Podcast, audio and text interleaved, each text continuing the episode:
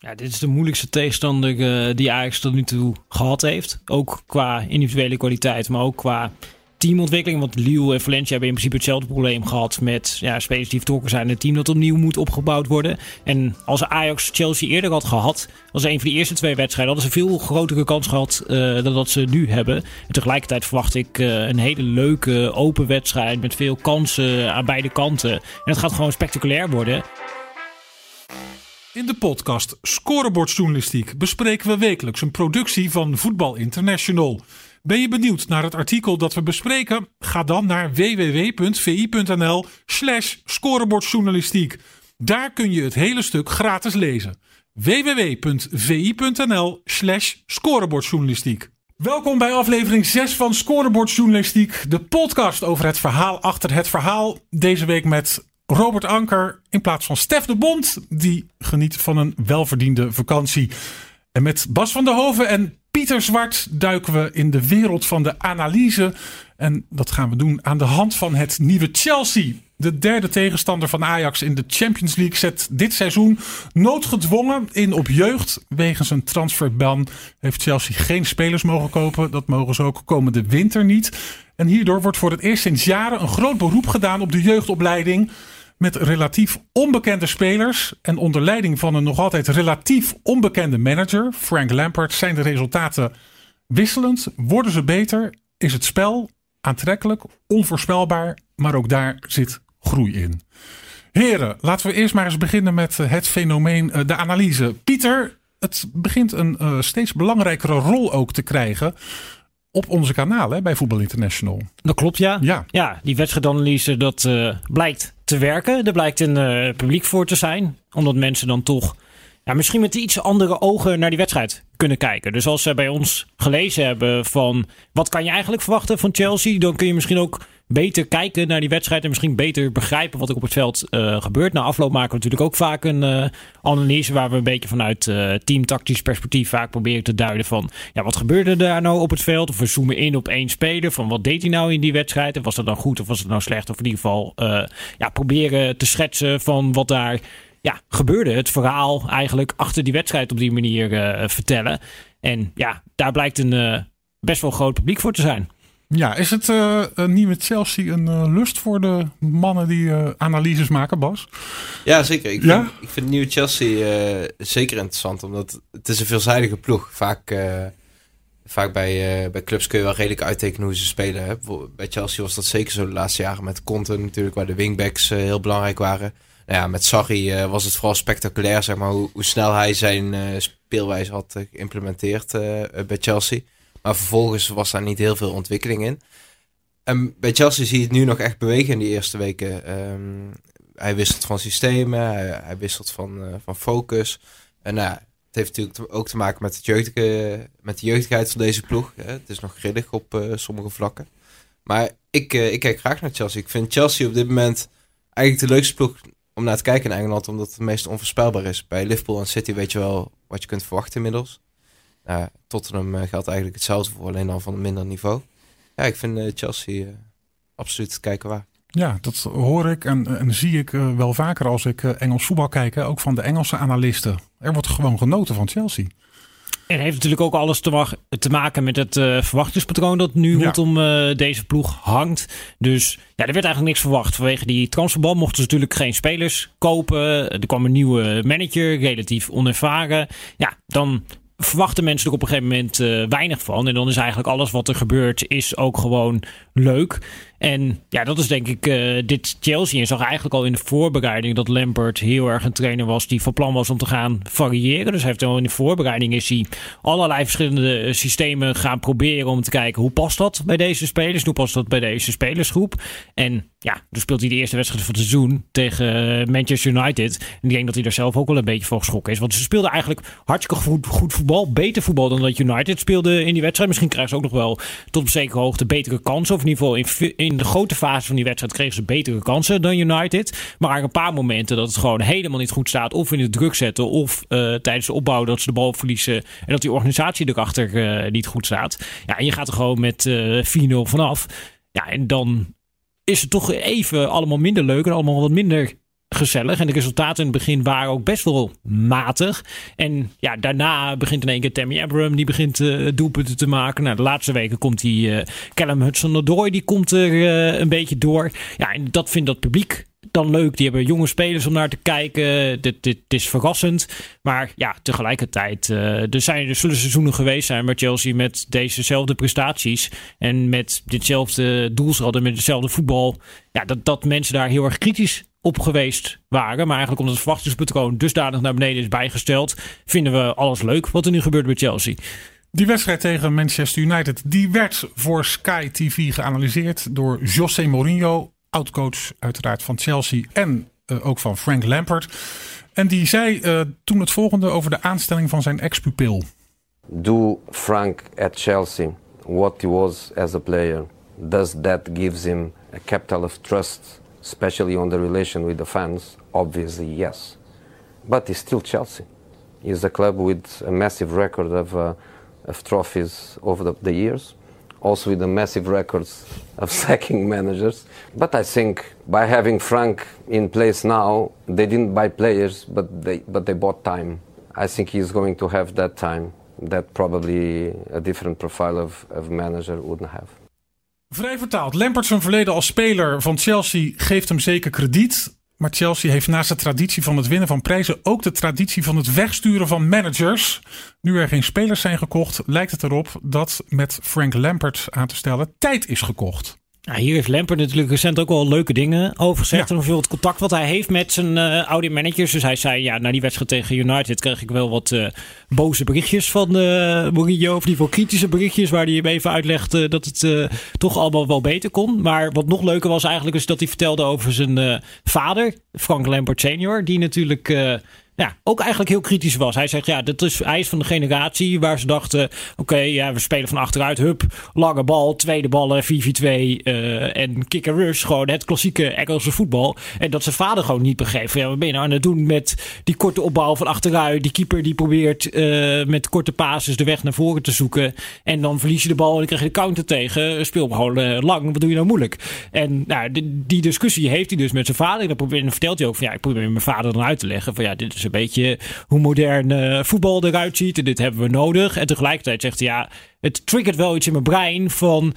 Nou ja, hij heeft ergens misschien ook wel een beetje een punt dat we niet ten koste van alles dit moeten doen. En dat we soms wat realistischer moeten zijn in ja, niet altijd iemand in de 16 aanspelen terwijl er al iemand naast hem staat om druk te zetten. En ook af en toe eens een keertje een lange bal spelen. En in die variatie uiteindelijk onvoorspelbaar zijn en kiezen wat het beste is om uiteindelijk wedstrijden te winnen en doelpunten te maken. En je ziet dat die transitie ook wel zichtbaar is geworden in het spel van Chelsea. Dus als Ajax Chelsea onder druk gaat zetten, in, tot in de eigen 16, ja, dan ga je op een gegeven moment zien dat uh, Kepa in eerste instantie crossbasis gaat proberen richting uh, die backs, die allebei redelijk goed zijn uh, door de lucht. Of dat hij hem gewoon lang speelt op Tammy Abraham. En dat ze van daaruit proberen te voetballen. En dat is misschien ook deels een beetje de invloed van de vader van Lampert. En het grappige is dat hij vertelde dat hij ook heel veel contact heeft met Guus Hiddink.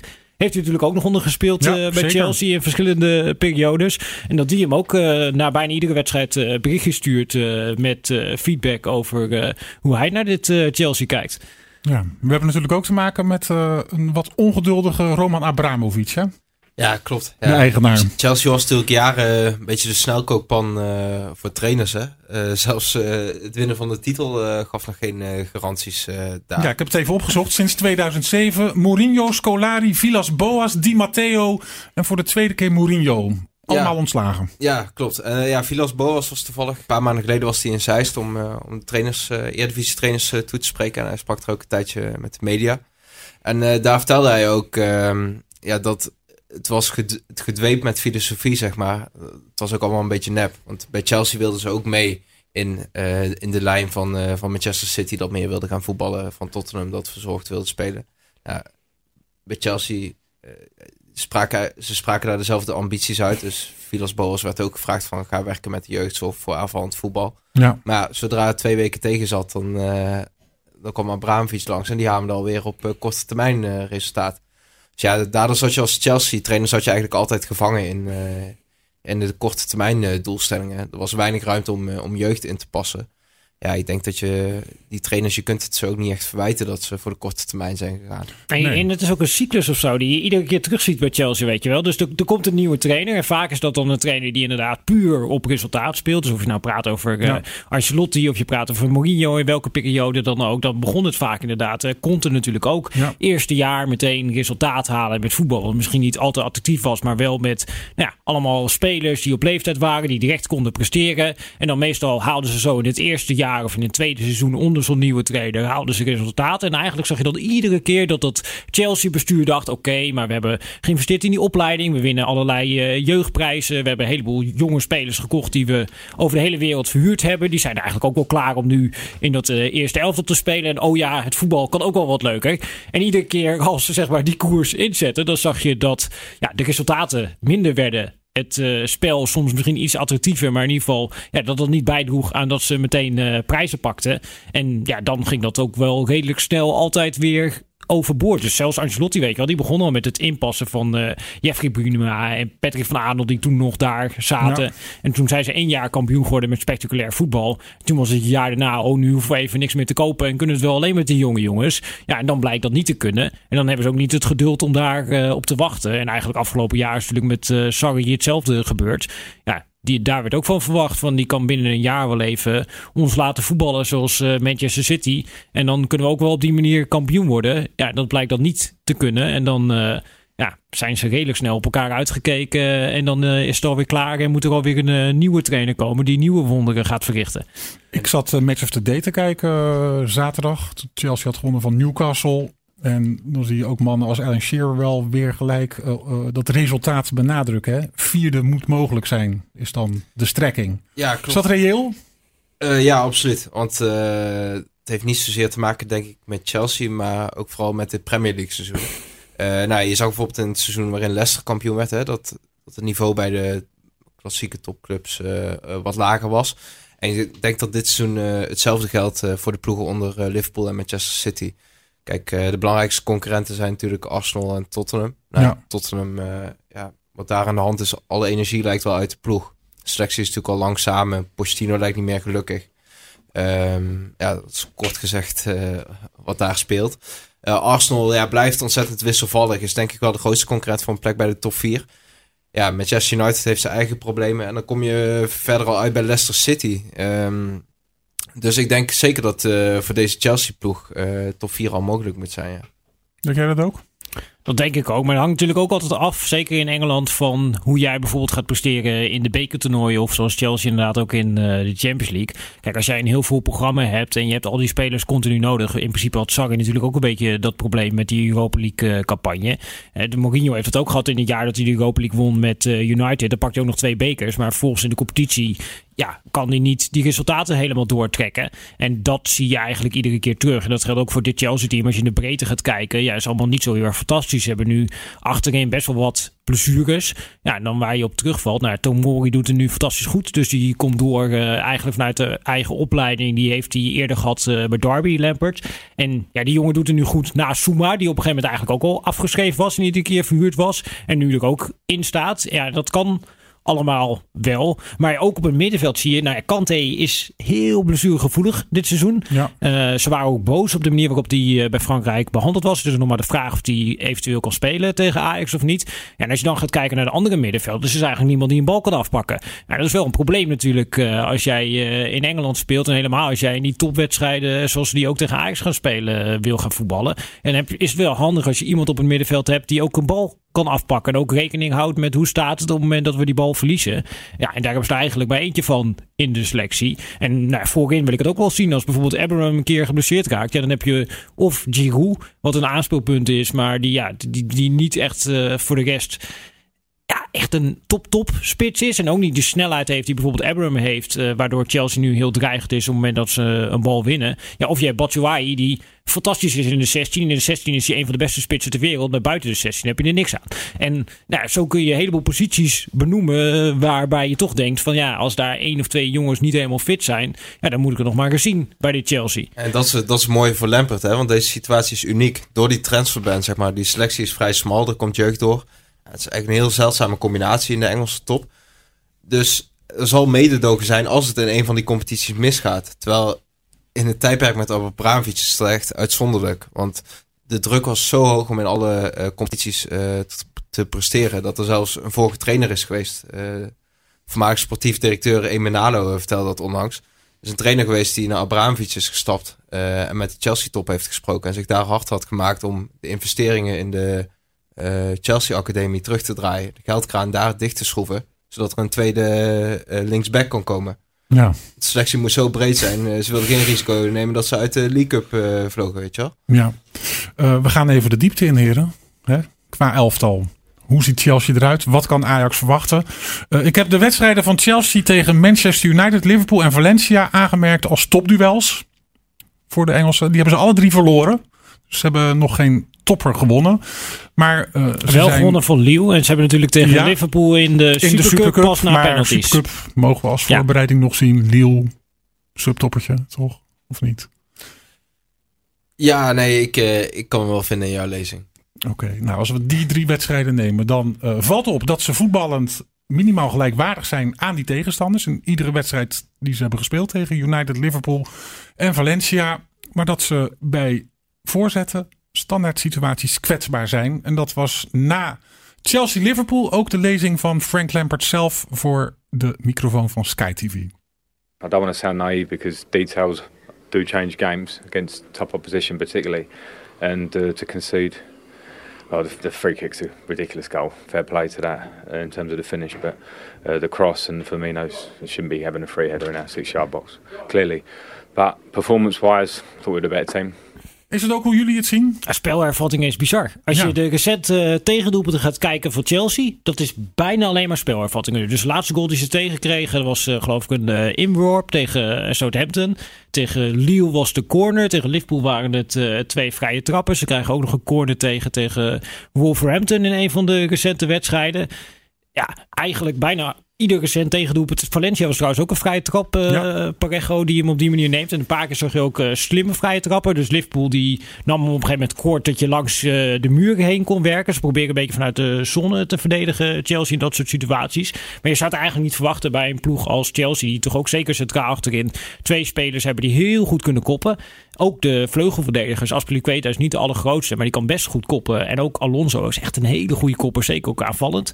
Ja, en Abraham die kan ook gewoon goed koppen, de, de, de spits. Dus je hebt eigenlijk best wel veel spelers die dat in principe zouden moeten kunnen. Maar op de een of andere manier uh, lukt het ze niet om dat goed te verdedigen. Nou, bij vrije trappen hangt dat met name samen met dat ze ja, op een andere manier die zijn gaan verdedigen. En dat ze niet goed oplossen op het moment dat de tegenstander net iets anders doet. Dus eigenlijk al die goals die ze daar tegen krijgen, is iedere keer dan een variant. Dus dat ze hem even eerst kort nemen, die vrije trap, voordat ze hem aansnijden. En dat dan even die afstemming niet goed is. En dat bijvoorbeeld bij die vrije trap uh, van Valencia. En moeten ze gewoon op de 16 blijven verdedigen. En loopt er op een gegeven moment ja, toch iemand terug. En dan staat natuurlijk uh, iedereen vrij. En dat soort dingen in de afstemming gaat nog niet goed. En bij corners is het eigenlijk zo simpel als je moet die bal over die eerste paal heen gooien. Want daar staan eigenlijk alle goede koppers uh, bij Chelsea. Dus vaak uh, de beide centrale verdedigers die staan ja, rond de zone van de eerste paal. En als je daar overheen valt, ja, dan is het eigenlijk uh, prijsschieten. Dus ja, daar liggen zeker kansen voor Ajax. En Ajax analyseert die ploegen ook, die hebben dit ook gezien. Ja. Dus ik denk dat er in Amsterdam ontzettend veel getraind gaat worden op spelervattingen de aankomende week. Chelsea heeft 14 tegengoals in de Premier League. 11 daarvan in de eerste vijf wedstrijden.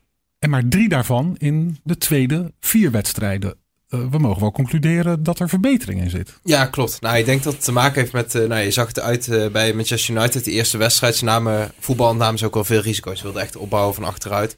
Um, en je merkte dat de spelers ook niet echt gewend aan waren. En je, hoorde direct van, nou, David Luiz was geen topper. Maar Lampert heeft, heeft hem laten gaan naar Arsenal, de concurrent. Dat het een dure fout was. Maar er zijn eigenlijk twee dingen gebeurd sindsdien, denk ik. Uh, de stormachtige ontwikkeling van Tomori. Nou, Lambert wist met Tomori uh, wat hij in huis had. Die, uh, die had hij vorig jaar ook bij Derby County. Werd toen verkozen tot speler van het jaar als huurling. Um, en ze hebben een beetje teruggedraaid, zeg maar, in de hoeveelheid risico die ze nemen in, in balbezit. Als ze echt onder druk worden gezet, dan kiezen ze vaker voor de lange bal. Um, ze nemen minder risico met het inspelen van middenvelders op het moment dat het vaststaat. Dus ja, ik denk dat Chelsea nu verdedigend er al veel beter voor staat. En ze hebben natuurlijk in grote ruimtes kunnen ze prima verdedigen met uh, Tomori is waanzinnig uh, snel, atletisch. Zuma geldt eigenlijk hetzelfde voor. En de organisatie het ooit nog uh, wankel.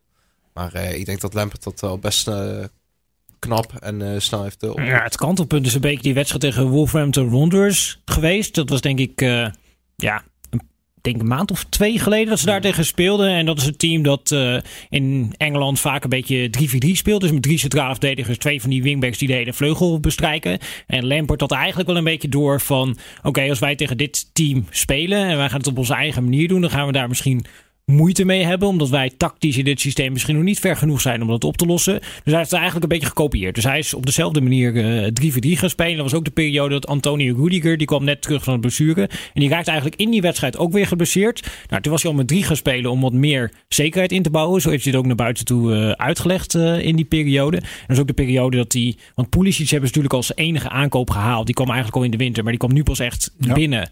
En ja, die viel eigenlijk een beetje tegen. Pedro begon ook niet helemaal goed aan het seizoen. Hij is op een gegeven moment aan de buitenkant gaan spelen met Willian en Mount. Wat natuurlijk eigenlijk twee aanvallende middenvelders zijn. Dus die willen toch aan de binnenkant spelen. En als je dan ja, zo'n 3-4-3 systeem speelt met Mount en Willian aan de zijkant, die eigenlijk continu achter uh, Abraham komen en dan twee backs die er overheen gaan. Ja, dat kan prima met die kwaliteiten die je op dat moment in je selectie hebt. En iets meer zekerheid door een derde centrale verdediger erbij te zetten. En eigenlijk gebeurde het in die wedstrijd dat Rudiger op een gegeven moment weer geblesseerd uit moest. Dat hij toen maar Tomori moest opstellen. En die jongen, ja, die, die valt daar eigenlijk fantastisch in. En op die manier valt eigenlijk de puzzel een beetje toevallig in elkaar. In die wedstrijd. Die wedstrijd winnen ze uiteindelijk met uh, 5-2. En daarna, en dat is wel denk ik voor Ten Hag ook wel heel erg lastig, zijn zij in die twee topwedstrijden in de Champions League, dus zowel tegen Valencia als tegen Lille, zijn ze ook op deze manier gaan spelen. Terwijl die niet het systeem van Wolverhampton Wanderers spelen. Dus uh, Valencia speelt 4-4-2 en Lille speelt net als Ajax in een uh, 4-2-3-1.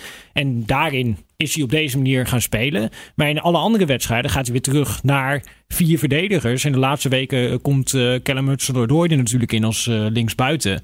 Die ja, meer een dribbelaar is, die eigenlijk echt aan de zijkant wil hebben. En dan komt Mason Mount weer echt als middenvelder te spelen.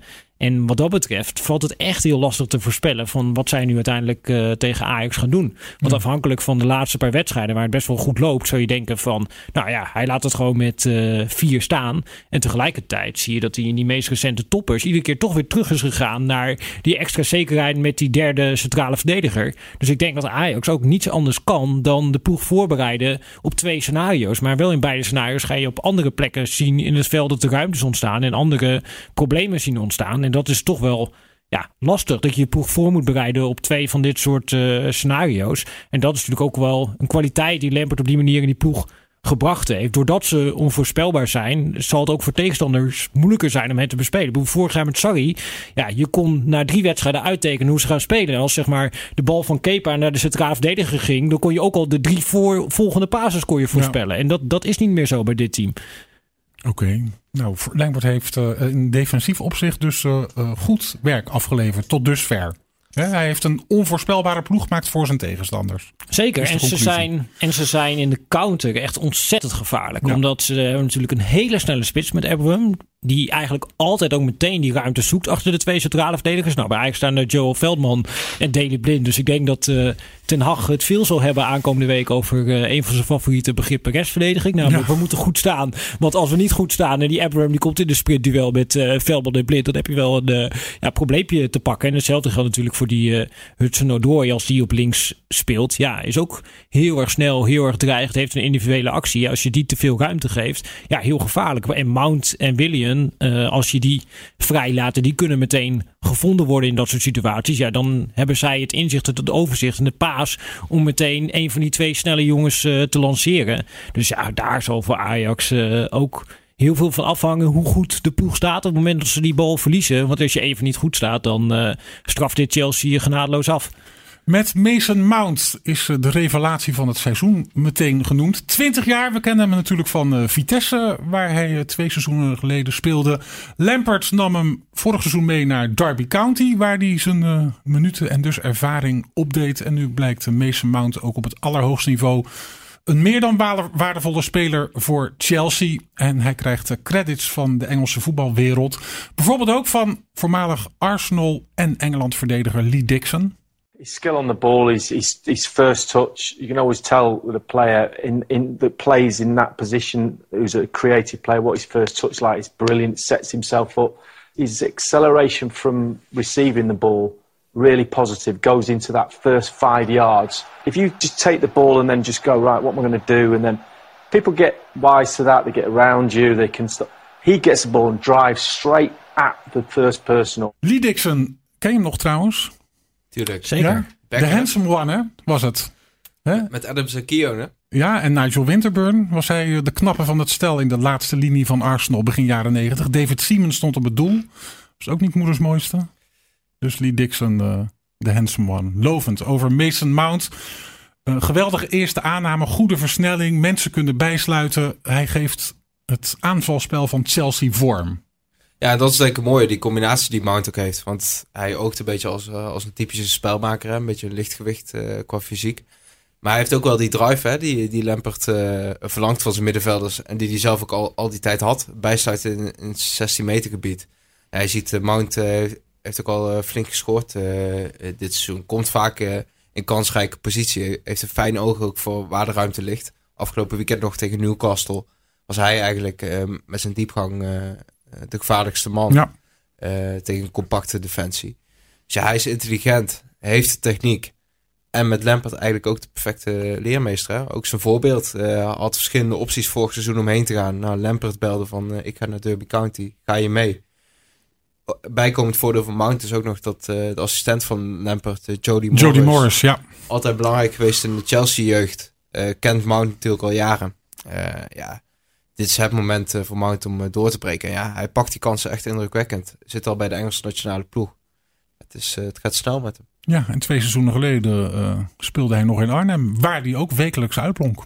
Zeker, ja. En uh, ja, het is gewoon een hele complete, complete middenvelder. Het enige waar je misschien van wat kan zeggen is dat hij ja, verdedigend in de duels en zo is natuurlijk niet uh, de meest sterke speler. Maar hij heeft wel het loopvermogen en de discipline om een heleboel meters maken. Hij doet wat dat betreft denk ik wel een beetje denken aan uh, Christian Eriksen. Ik denk dat het qua type wel een beetje hetzelfde is. Ook allebei ja, redelijk goed tweebenig. En hij heeft ook die spelhervatting, wat ook natuurlijk een extra wapen is. En wat hem natuurlijk ook helpt om aan extra doelpunten en extra assists te komen. En ja, dat, dat is voor een trainer toch wel soms een extra argument om dan zo'n jongen op te stellen. Dat je denkt, ja, als we dan een vrije trap hebben, is het wel fijn als ik iemand uh, erin heb staan die hem even goed kan aansnijden. Of hem er zelf in kan schieten. En ja, dat, dat is net misschien dat, dat extraatje wat je nodig hebt om dan iedere week erin te staan ten opzichte van dat je misschien een vaste bank zitten bent. Ja, dat is van Mount ook, hè? want we hadden het net over die, die veranderingen bij Chelsea. Dat, ze veelzijdig zijn van systeem kunnen wisselen. Aan het begin van het seizoen na de voorbereiding leek het er nog op dat ze 4-2-3-1 zouden gaan spelen. Dat Mount uh, tussen Mount en Barkley zou gaan voor de teampositie. En Mount is, uh, heeft toen de voorkeur gekregen. En is eigenlijk niet meer uit de basis verdwenen. Hij kan ook uh, hangend vanaf de flank komen. Ja, nu Hudson door er is, is Mount weer meer middenvelder geworden.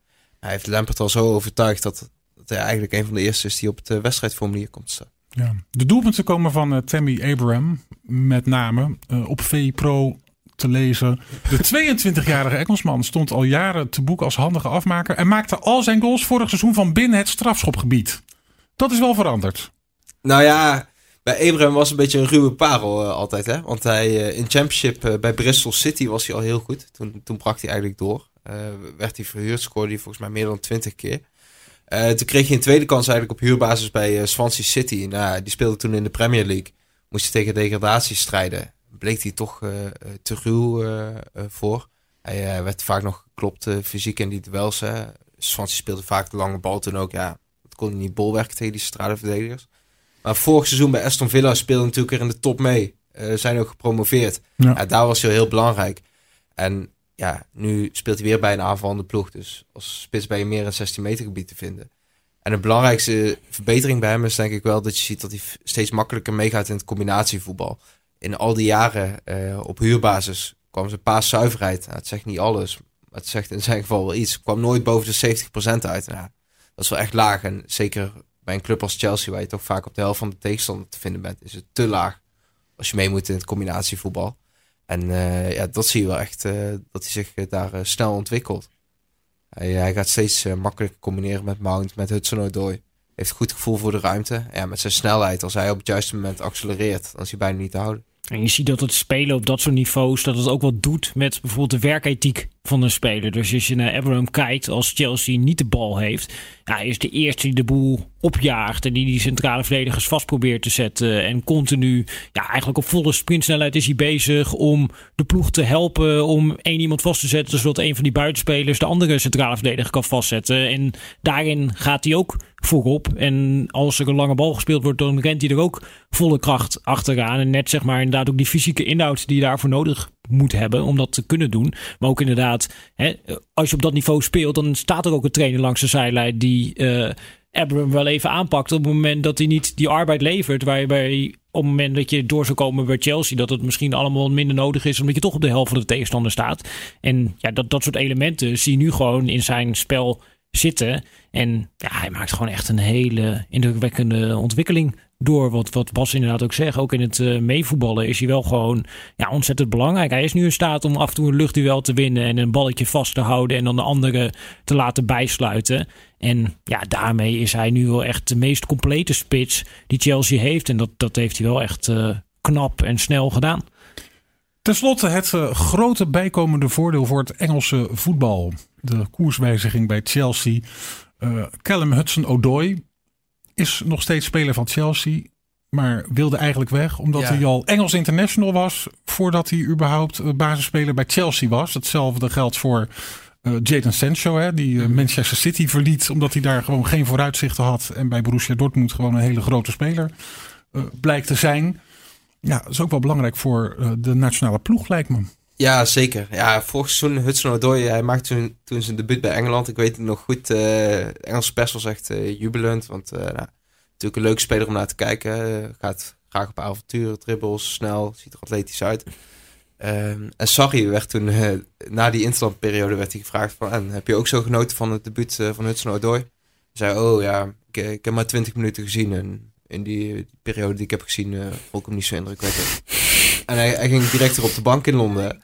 Dus hij, hij, deed ook weinig moeite om te verbergen dat hij weinig met die, uh, met die talenten had. Ja, in dat opzicht is het wel voor te stellen dat Hudson Odoi toen uh, aan een vertrek dacht. Hè? Ja. Want ook in die fase speelde de interesse van Bayern München natuurlijk. Hudson Odoi, het contract uh, liep in 2020 toen al af, geloof ik. Dus het was eigenlijk ja, van verkopen of bijtekenen.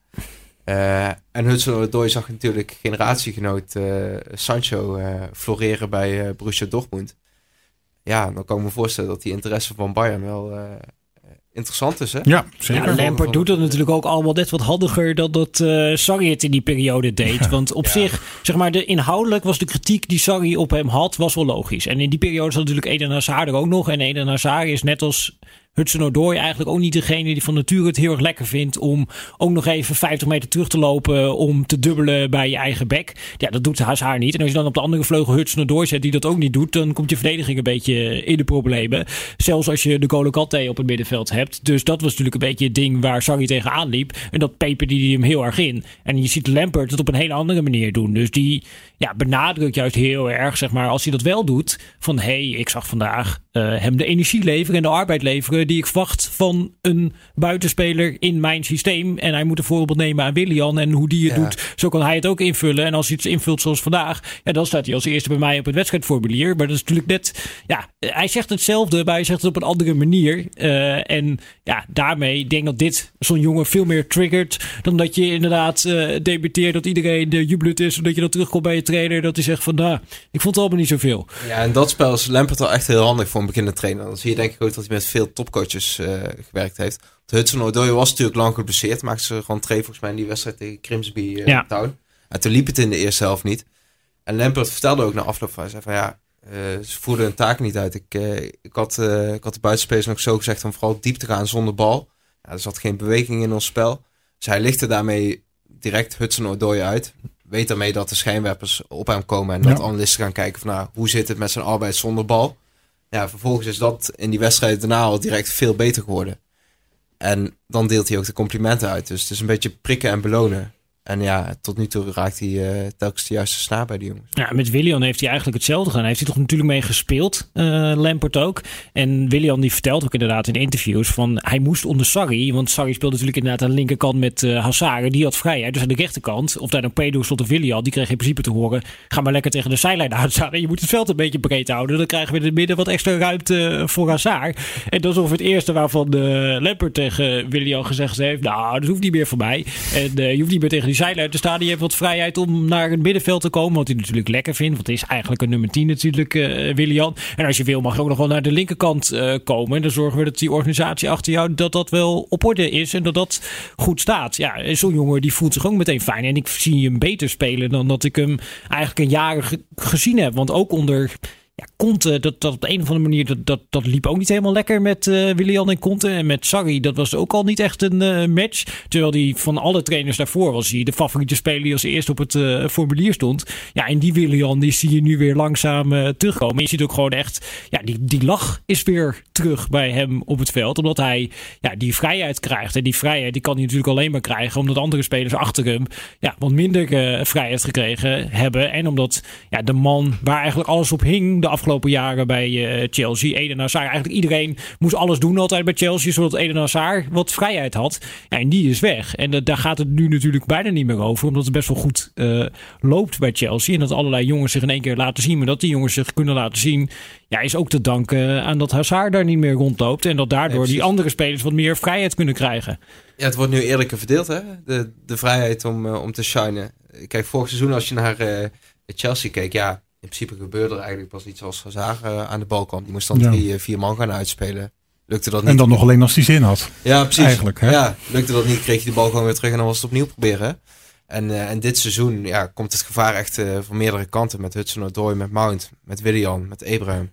Ja, dat maakt Chelsea ook zo leuk om, om naar te kijken. Afgelopen weekend, ik baalde echt dat, dat Tottenham werd uitgezonden. Ja, dat was heel raar. Ja. ja. Nee, ja, het is heel vreemd dat dat werd uh, uitgezonden in plaats van de Chelsea. Dus zit je in eerste instantie naar, naar een uh, brakke stream te kijken, waardoor je toch nog een beetje mee kan krijgen hoe ze spelen. Maar ja, het is op dit moment echt inderdaad een leuke en interessante team om naar te kijken. Ook omdat je niet weet wat ze gaan doen. En bijvoorbeeld Jorginho, dat heeft me ook eigenlijk wel verbaasd. Ja, Want ja, ik, ik, dacht nog toen Sarri ging, lullig voor die jongen. Want die kon, de zomer eerder kon ik kiezen tussen Manchester City en, en Chelsea ja, bij City had hij eigenlijk de rol kunnen krijgen die Rodri uh, daar nu heeft. Ja, toen koos hij uh, ervoor om uh, Sarri trouw te blijven. Want ja, die kende hij natuurlijk via Napoli. en daar was hij de grote regisseur bij de ploeg van Sarri. En ja, dan vertrekt Sarri na een jaar. Dan denk ik van, nou, het roer zal wel omgaan. Zullen we anders gaan spelen? Arme Jorginho, welke rol gaat hij krijgen? Hij was ook verschrikkelijk slecht in de wedstrijd tegen United. Ik dacht, ja. toen, toen dacht ik echt, wat is wel klaar met die ja, jongen. Ja, ja, maar op een of andere manier, hij floreert ook. En eh, het zijn niet alleen die talenten die Lampert uh, draaiende heeft gekregen. Nou, we hadden het net over Willian en voor Jorginho geldt eigenlijk hetzelfde. Mooi. Als ik Roman Abramovic zou zijn en dit zou horen, dan hoor ik twee Nederlandse voetballiefhebbers die balen omdat Chelsea Newcastle niet live wordt uitgezonden. Een grote compliment uh, kan je denk ik niet krijgen als clubeigenaar of als manager van uh, Chelsea. Nee, de analyse is uh, sinds gisteravond te lezen op uh, VI Pro. Zet jullie alsjeblieft even kort Chelsea af tegen Valencia en Lille. Dan wacht Ajax. Een veel meer veelzijdige tegenstander. Bij Valencia wist je precies wat je kon verwachten. Die, die gaan terughangen. Vanuit de compacte 4-4-2 formatie uh, gokken ze op de counter en op de snelheid. Chelsea heeft, heeft verschillende wapens. Ze kunnen het spel dicteren. Maar ik verwacht uh, dat ze dat in Amsterdam niet gaan doen. Ze hebben dat op zich denk ik ook wel geleerd van die nederlaag uh, bij United. Uh, en ik denk dat ze een beetje voor een mix gaan kiezen. Ze zullen in fases proberen dominant te zijn. Maar met de wapens die ze voorin hebben, met de snelheid van Hudson Odoi en de diepgang van Abraham, ja, is het denk ik ook erg interessant om een beetje terug te plooien, de ruimtes klein te houden en dan er snel uit te komen. Pieter? Ja, dit is de moeilijkste tegenstander uh, die Ajax tot nu toe gehad heeft. Ook qua individuele kwaliteit, maar ook qua teamontwikkeling. Want Lille en Valencia hebben in principe hetzelfde probleem gehad met ja, spelers die vertrokken zijn. Een team dat opnieuw moet opgebouwd worden. En als Ajax Chelsea eerder had gehad, als een van de eerste twee wedstrijden, hadden ze veel grotere kans gehad uh, dan dat ze nu hebben. En tegelijkertijd verwacht ik uh, een hele leuke open wedstrijd met veel kansen aan beide kanten. En het gaat gewoon spectaculair worden. En in de laatste wedstrijden was het natuurlijk ook steeds spectaculair. Dan was Onana bloedvorm en dan uh, pakte Ajax uiteindelijk het resultaat. We moeten ook helemaal niet raar opkijken als Chelsea in één keer wel de kans afmaakt en Ajax leidt in één keer een pijnlijke nederlaag. Ja, dat kan gewoon gebeuren tegen dit Chelsea. En dat is ook geen reden om in paniek te raken. Want nou ja, zelfs als je in Amsterdam verliest, dan kun je in één keer Londen wel weer winnen. Want ja, dit is ook gewoon een jonge ploeg die wisselvallig is. En ja, die ook nog fouten maakt. En uh, daarvoor moet Ajax profiteren. En dus een beetje goed letten op die spelervattingen. Want zo kun je scoren tegen Chelsea. Ik kijk er naar uit, naar Ajax tegen Chelsea. Woensdagavond even voor zevende is de aftrap. Pieter en Bas, dank voor jullie medewerking aan deze scorebordjournalistiek die te beluisteren is op vi.nl en ook op eh, diverse andere kanalen zoals uh, iTunes, Spotify, Stitcher, Stitcher Soundcloud. Soundcloud. Daar hebben we het wel, hè? ongeveer. Kortom, geen mens hoeft dit te missen. Heren, dank je. Het artikel, de analyse van Chelsea, is terug te lezen via www.vi.nl slash scorebordjournalistiek. En bevalt het artikel? Neem dan een abonnement op VI Pro.